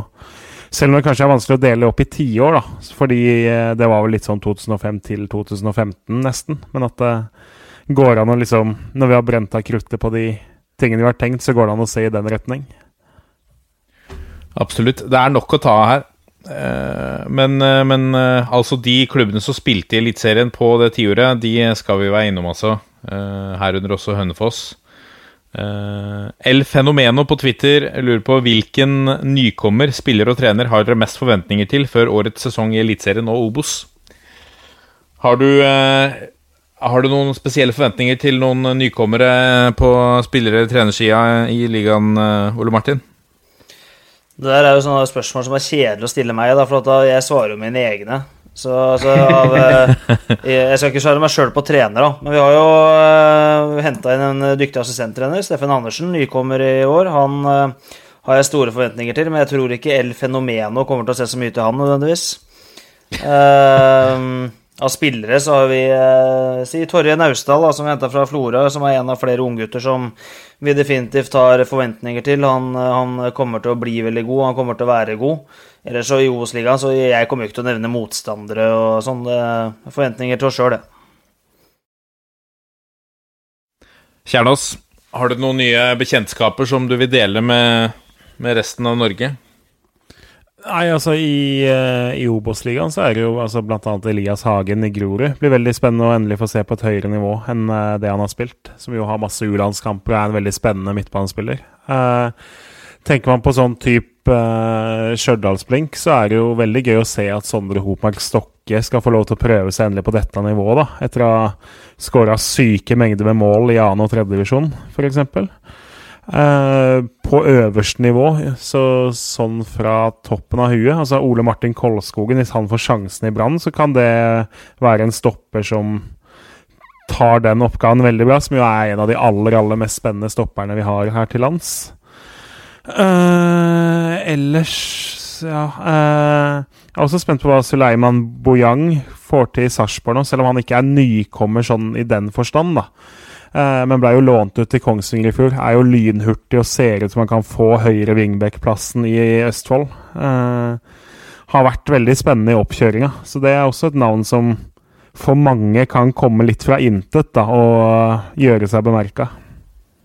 I Eliteserien så syns jeg også Kristoffer uh, Steffensen, fra, som kom fra Nesotra og Øygarden, blir spennende å se i Eliteserien. Håper han får spilletid, for han syns jeg to år på rad har vært en av de beste spillere i Obos, uten å egentlig bli nevnt som det, altså veldig mange. Man syns jeg er en eh, meget bra fotballspiller. Så får vi litt eldre gjensyn også, Lasse. Per Siljan Skjelbred tilbake på, uh, på Rosenborg. Altså med en midtbane der som det lukter svidd av nå. Ja, det er altså eh, Nå har det kanskje mye fotball å se i det siste, men det har jo vært litt fra Tyskland. Og mm, det ser jo ikke ut som Per, per Siljan Skjelbred eh, er noe dårligere spiller enn han var for noen år tilbake. Så han kan jo fort uh, gjøre vei i vellinga i uh, Eliteserien, han. Ellers er man så Kitolano tar turen tilbake fra utenlandsoppholdet i Wolverhampton nå til Molde. Interessant å se hvordan han kan gjøre det på et topplag, da. Etter om vi får se talentet tilbake på, på norsk mark. Jeg tror altså Molde der tenker jo langsiktig. Kristoffer Haugen har vel, så vidt jeg vet, kontrakt som går ut etter sesongen, og har vel ganske lyst tror jeg, til å prøve seg i utlandet. Og Kitolano er vel på toårslån. Det, det ligger vel litt i tanken at Kitolano skal avlaste Haugen og så potensielt være da en erstatter fra 2021 hvis Haugen da velger å gå utafor landets grenser. Spent på å se um, uh, hvordan Bodø-Glimt også skal erstatte de som har gått. De eh, har jo nevnt Ask Kjerransen Skau allerede der som en, en, type mann som kan komme inn og, og spille litt uh, uh, Utfordre litt på, på midtbanen. interessant å se. Ja, så har de Adnan Hussein, som jo har spilt mye i vinter og sett veldig spennende ut der. Men det, det er jo litt sånn at både han og Osame Sarawi i Vålinga f.eks. er jo to spillere veldig mange har merka seg hvis de har sett mye treningskamper, og som har tatt veldig godt sjans, vare på de sjansene, men som kanskje havner litt lenger bak i køen eh, når alvoret setter i gang, da.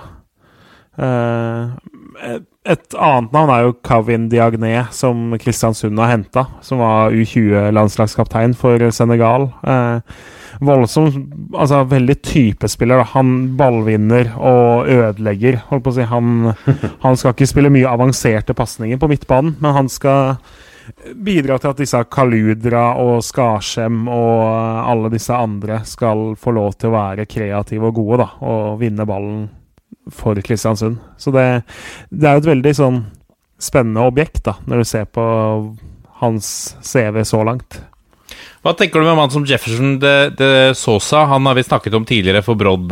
Nå tar han steget til Eliteserien, Kjernos, og Viking. Ja, det er jo en viking-spiker eh, eh, som sannsynligvis er i fyr og flamme over det. Men eh, altså, han har jo vært altfor god i tredjedivisjon veldig lenge, og så litt Fikk vise seg fram glimtvis på våren i førstedivisjon i fjor. Eh, så det er en veldig spennende overgang. Når du ser hva han har å konkurrere med på topp der så altså Dilanli og Berisha er henta tilbake, og de har allerede Butichi og Ibrahima blant annet. Eh, Høyland. Så han han er nødt til å ta godt vare på sjansen. Jeg tror det blir litt sånn som Even Østensen her, at det blir noen sjanser, eh, men at han først og fremst er liksom en mann nummer 20 i troppen, da. Han kan og så har vi den uh... Nei, altså? Jefferson kan jo også bekle en indreløper, selv om han mest sannsynlig vil slite litt med det defensive i Eliteserien i den posisjonen. Men han, han har en del kvaliteter med ball som, som tilsier at han litt mer sentralt i banen rettvendt kan gi en del lag trøbbel. Og med ferdighetene hans så kan det Eliteserien nå. Så jeg tror for hans del altså, er jo han en av de spillere som fort kan tjene veldig på at det nå blir kjempetett kampprogram, og du plutselig får fem-seks sjanser flere enn det du kanskje hadde gjort på en normal sesong. For at han har ferdigheter, det er jo ikke noe tvil om i det hele tatt. Så det blir, eh, blir, eh, veldig, spennende blir veldig spennende å se. Og så har vi den største profilen av dem alle, Lasse. Nysigneringen eh, som slår eh, både Pesilla Skjelbreid og, og en rekke andre i konkurranse. Det er selvfølgelig Mats Solheim, som er hentet til Stabæk fra Hamarby. Eh, Instagram-kongen. Eh, vi har sett, jeg syns vi har sett skuffende lite til han eh, så langt. Jeg hadde forventa at han skulle markere seg selv om det ikke ble spilt fotball. Ja, jeg er litt enig. Jeg syns det har vært litt eh, stille fra Insta-fronten til Solheim. Men eh, det er klart, eh, Mats Solheim har jo prestert bra i Sverige. Og mm, han er en spiller som helt sikkert får mye spilletid i Stabæk, han. Så han er ikke bare at han er Instagram-profil, men han, han, er jo også en god fotballspiller. Så jeg, jeg syns jo det også er et, nok et eksempel på en sånn fornuftig signering av Stabæk, da. Vegard Nomerstad lurer på eh, Ole Martin, hva har vært de største utenomsportslige utfordringene for Nesselquist, hvis en ser bort fra de økonomiske utfordringene? Jeg regner med han tenker på strømmen, eh, altså i strømmeperioden. og det altså Den største utenlandssportslige utfordringa der er jo at eh, spillere jobber og går på skole. For det legger jo en del føringer på hverdagen som mange andre klubber er heldige og ikke har. Samtidig så er jo det det er en utfordring, men samtidig så er det situasjonen nå. Så det er ikke noe vi bruker tid på. Det er ikke noe vi, vi plages av i hverdagen. Ellers så har vi også utenlandssportslige utfordringer på Strømmen. Vi har et litt sånn småslitt klubbhus som kunne trengt litt oppussing. Så det er jo altså nå blant annet, da, nå er klokka ganske seint på tirsdagskvelden, men vi har ikke noe særlig med aircondition inn her, så jeg er jo gjennomsvett inne på kontoret for at sola har stått på gjennom vinduet her. Og der vinduene på kontoret mitt er vanskelig å åpne. Hvis jeg først får de opp, så får jeg ikke lukka det igjen. Eh, Så har vi eh, ja, litt sånn halvdårlig sprinkelanlegg på, på stadion som gjør at banen blir litt tørr og en- del sånne ting, men det er litt sjarm, da. Det er litt, eh, det er litt strømmen, det. Så har han et oppfølgingsspørsmål som er hvor vanskelig er det å motivere seg som trener når det går så lang tid uten en fastsatt dato for oppstart? Eh, Da, da må jeg svare for meg sjøl og ikke på vegne av alle trenere. Men for min del så har ikke det vært vanskelig, for at du blir jo bare mer og mer sultefòra jo mer tid det går. Eh, Så er det jo vanskelig å si hvordan det hadde sett ut hvis det hadde tatt enda lengre tid, men nå har jo vi heldigvis kommet til det punktet hvor vi begynner å se et lys i enden av tunnelen. Så kan det hende det kanskje er enda vanskeligere for de trenere som er lenger ned i divisjonene, som ikke har noen datoer, ikke noen planer å forholde seg til, men for min del så har det heldigvis gått greit med motivasjon. Det har vært eh, verre å dekke de behova du har i det daglige, eh, og, og det savnet fra den daglige drifta, men motivasjonen har vært der hele tida. Benjamin Sears lurer på hvem blir toppskårer i Eliteserien og Obos i år? Kjernås. Eh, I Eliteserien så blir det Dino Islamovic. Eh, Du har, du har såpass tro på han, eller er det pga. laget rundt? Jeg tror jo Altså, Leke James har vel også utgående kontrakt. Jeg tror han fort blir solgt. eh, At det blir litt rullering der. Uh, klarer ikke helt se liksom Bamba levere der. Torgeir Børven forsvinner sannsynligvis veldig kjapt nå med utgående kontrakt. Eh, det er liksom ikke så mange andre gode kandidater. da Og spiller du spiss for Rosenborg med Adek Bendro og Helland på siden av deg, så bør du komme opp i over 15 mål. da Og bare Botheim som konkurrent, eh, sånn reelt sett, så kommer han til å spille veldig mye. Eh, så for meg så er det favoritten, i hvert fall. Eh, I Obos så bør, er jo Thomas Lene Olsen på ganske svær favoritt. Han er trolig den beste spissen og spiller for det trolig beste laget. Så det er det veldig kjedelige svaret der.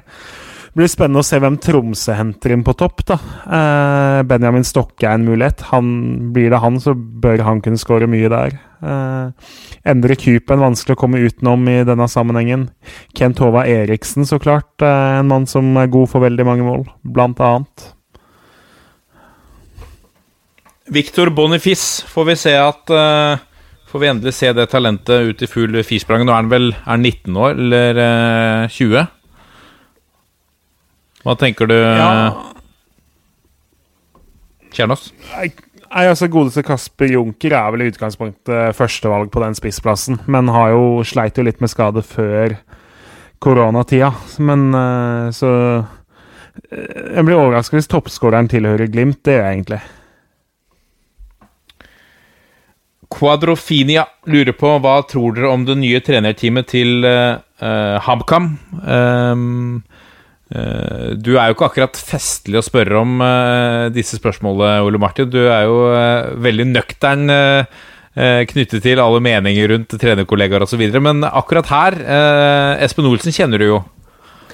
Ja, Espen Olsen kjenner jeg veldig godt. Så jeg er jo ikke objektiv kanskje i den sammenhengen her, da, men Geir Frigård er kjempeflink. Også, så, det tror jeg blir veldig bra. Espen Olsen er bare rør. Så det, det er så, så, sånn det blir. Men Frigård er en kjempeansettelse, det er ikke noe å lure på. Så, så eh, ja. Kommer Espen tilbake til en rolle han tidligere har hatt suksess i, så jeg tror han kan, eh, komme helt greit ut av det der, altså. Kongsvinger slapp vel i denne sammenhengen en, en video med noen stikk i retning til Geir Frigård. Det er bare å gå inn på Jeg tror det var på både Facebook og, og Twitter, hvor de er De syns synd på hvordan det har gått med karrieren til Geir Frigård når han nå havner i HamKam. Det er herlig, herlig stikk, da, og litt sånn uh, fyring eh, mellom to rivaler. Eh, HamKam svarte vel også, tror jeg. Eh, så det, sånn må det være. Det er, det er bra at det er kreative sjeler eh, som styrer de sosiale mediekanalene rundt her. Det trenger vi. Spørsmål fra Thomas Carlsen. Han eh, skriver Jeg vet det er tidlig, men eh, kan dere tippe topp tre i Eliteserien Obos samt nedrykk i begge divisjonene? Uh, Jotjar gjør vel Fettsund stolt på denne utfordringen? Eh, skal, vi, skal vi tippe tabellen i dag? Ja, jeg tenkte å Nei, vi skal ikke tippe tabellen i dag, men, eh, men eh, hvem Akkurat nå da, Lasse, hvem tror du blir topp til i Eliteserien? Eh, Rosenborg-Molde og eh, HH Hvem tar tredjeplassen, tro? Ja, den syns, den syns jeg er vanskelig. Hvem som men kanskje gir Glimt, da. De samme som i fjor. For å være litt kjedelig. Og for å ta feil. Nei, jeg vet ikke. Rosenborg og Molde kommer til å kjempe om gullet. Det føler jeg meg ganske sikker på. Jeg er veldig, jeg er veldig usikker på Jeg føler liksom det er de to, og så er det en haug med lag som kan komme mellom tredje og tiende, og så er det noen lag som skal kjempe om nedrykk. Nei, altså Starte i bunnen. Sandefjord er jo den klareste dumpekandidaten vi har hatt på veldig lenge. Jeg satt og prøvde å skrive litt analyse av dem i går, og la liksom vekt på tre spillere som må prestere for dem eh, for at de skal overleve. Nå forsvinner jo trolig en av de, altså Marius Høybråten. Så de mister jo da sin beste forsvarsspiller. De har mista toppskåreren, de har mista off-keer, de har mista rutine i Storbekk og Mjelde, blant annet. Eh, uten å erstatte alle, egentlig. Så de kommer jo faktisk Ser ut som de kommer til seriestart med en vesentlig svekka tropp i forhold til i fjor, egentlig. Eh, så er, de kommer jo til å bli spådd sist av alle, utenom kanskje Sandefjords Blad. Eh, og så er jo heldigvis Eliteserien sånn at eh, det å være spådd på nedrykk eh, to uker før sesongstart trenger ikke å bety at det blir fasit. Se hvor Bodø-Glimt ble spådd av veldig mange i fjor, f.eks. Men jeg tror Sandefjord skal få det særdeles tøft. Og så eh, syns jeg per nå at de tre andre som framstår som de lagene med flest mangler, det er Mjøndalen, Start og kanskje Godset. Uh, ja. Men det er, det er fra tredje til tolvte er ekstremt vanskelig. Det er klart at Rosenborg og Molde, topp to. Og så, for meg, så har jeg endt med Viking per nå på tredjeplass. Eh, som har en veldig brei stall, da, som jo blir veldig viktig nå. Ole Martin, du er jo eh, Du elsker jo tabelltips. Det er noe du lever for. Ja, jeg er veldig glad i det. Det er jo Ja, i Eliteserien så er Rosenborg og Molde er jo De skal være der oppe, det er de klar over sjøl òg. Um, jeg liker Kristiansund, ja. Altså, jeg sier de bare for å ha en outsider. Obos er enkelt. Det er Strømmen og to andre lag på toppen der. Og så nedrykk tipper jeg aldri. Lillestrøm, da? Ja, det er jo i Obos-ligaen et eller annet sted. Mer enn det får vi jo se på. Ja, jeg, for min del, altså Lillestrøm blir jo som for Sandefjord eh, på sisteplass, så kommer alle til å tippe Lillestrøm øverst eh, når det skal tippes i redaksjoner rundt om. Det er vanskelig å komme utenom å spå dem på topp. Eh, jeg liker veldig mye av de signeringene og tankene Sogndal har, jeg da, og fått på plass et par fine brikker nå. Eh, klart Tromsø skal være oppi der, eh, så klart. Ranheim skal være oppi der. Spennende å se om Koffa klarer å følge opp. Spennende å se Uh, F.eks. Kongsvinger hadde en god sesong. Om de nye hos HamKam kan følge opp. Men uh, jeg sier per nå da Lillestrøm, Sogndal, Tromsø, Ranheim topp fire i den rekkefølgen. Uh, så får vi se hva Tromsø endte på topp, da. Bunn tre, bunn fire er vanskeligere å spå nesten nå. Det er klart Strømmen har jo en egen evne til å ende akkurat plassen over, så Men klart det er vanskelig sånn objektivt sett å komme utenom Stjørdalsblink og Grorud bl.a. der. Og så veldig spent på Øygarden nå, som jo mista de to sportslig viktigste i eh, trenerteam og i administrasjon. Raufoss, som jo har mista en del sentrale spillere. Eh, Åsane har jeg litt tro på kan overraske når det kommer opp. Men eh, så hvis jeg skulle tippa nå, så hadde jeg sagt Stjørdalsblink og Raufoss ned med Grorud på kvalik, og så Øygarden og Strømmen kanskje rett over det, da, eller noe sånt noe. Fornøyd med det, Ole Martin? Jeg sa jo i forrige uke at uh, om det er uh, Jokke Johnsen eller apekatter Jeg kan si at om det er Jørgen Kjernås eller en hest, uh, gir meg likegyldig det òg.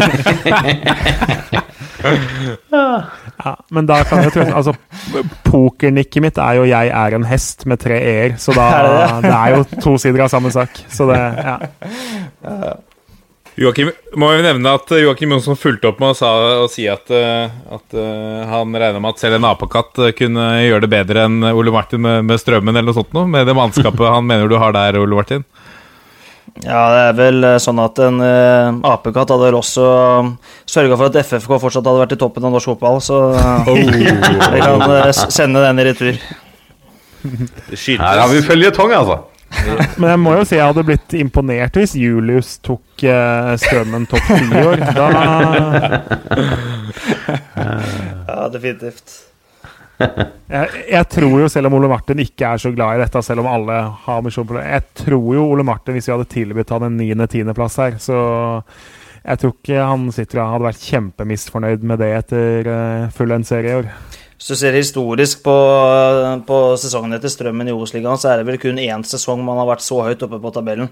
Så det sier seg sjøl at det er et steg i riktig retning eh, for oss. Så um, må vi få lov til å ha det litt gøy med tabelltips òg. Jokke skjønner at dette er moro. Han syns det er stas sjøl, vil jeg tro. Så litt moro må det være rundt det.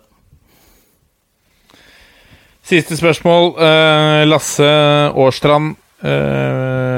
Annendivisjon med trening fra 9.6. Spørsmålstegn. Rekker man da en full serie? Hva er uh, dine tanker rundt det, Jørgen?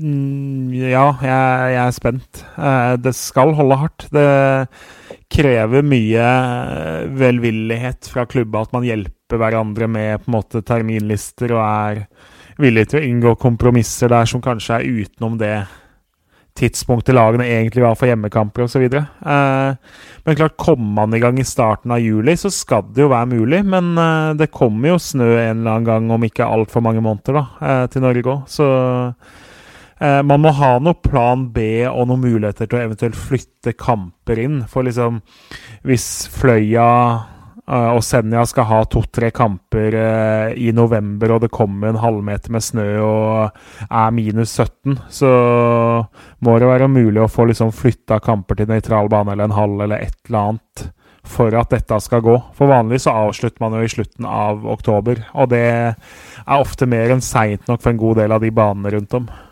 Da må jo eventuelt eh, Lasse sjøl ta ansvar for transport rundt omkring til diverse haller, for Lasse er jo daglig leder i eh, Skaus buss, som eh, jeg har brukt bl.a. både her på Strømmen nå og i Moss. Så han har jo sikkert 50 busser, så han kan frakte laget, han, hvis det skulle trengs, hvis det skulle være behov for det, vil jeg tro. Stemmer dette, Wangstein? Nei, det var ikke meg, det var han spørsmålsstilleren. Lasse, ja. Ikke Lasse, jeg begynte å lure på Navnebror. Jeg, jeg, jeg, Skaus Og det var din navnebror! At du hadde navnebror da som drev Skaus buss. Ja, Lasse eh, Hva var det du kalte den? Lasse og Lasse Årstrand. Det var kanskje Årstrand. bra vi fikk påpekt det, da, så ikke du plutselig fikk en masse bussbestillinger på medpost. Ja, det er, ja, jeg skulle hatt en buss, ja. Ja vel. Men altså, hvis vi ser på kalenderen, da, hvis du sier at man har Hvis man får starta opp den lørdag 4. juli, eh, da er det 18 helger til og med 15. november. Eh, nei, 20 helger er det. Eh, så vi sier altså Spille fram til 15. november må nesten gå, da, og så må du få lagt inn seks midtukerunder på en eller annen måte. Og da, da, klart, da bør jo liksom Senja og Fløya f.eks. møtes da, og det bør ikke være veldig mye flyturer for de er tungt for Nardo å skal drive og reise veldig langt med en gjeng med studenter på hverdager og sånn. Så da eh, er man litt smidig og smart og jobber skikkelig med terminlista, så er det mulig. Men eh, da som sagt må man se litt bort fra noen litt strikte regler, eh, sånn som de ellers er i normalsesonger. Det blir eh, spennende å følge med på uansett. Det skjer jo litt utvikling nå uh, i tida framover. Uh, vi får uh, runda der, og så får du skru av telefonen din, så du unngår litt bussbestillinger, Vangstein. Ja, det skal jeg gjøre. Ja. Ta- takk for tipset. Jo, bare hyggelig. Ingen skogbrann oppe hos deg nå? Gikk alt i orden, eller? Ja da, det løste seg. Den ble slokka, den. Så var det en sint lytter som var der oppe med fyrstikker og bensin. Det kan hende. Vi er eh, Toppfotball på eh, Facebook, Twitter og Instagram. Send gjerne mail også til toppfotball at 451.no. Da blir vi happy. Eh, Så avslutter vi da på 1, 2, 3. Vi er en Vi gjeng. er en gjeng. Ha det! Ha det.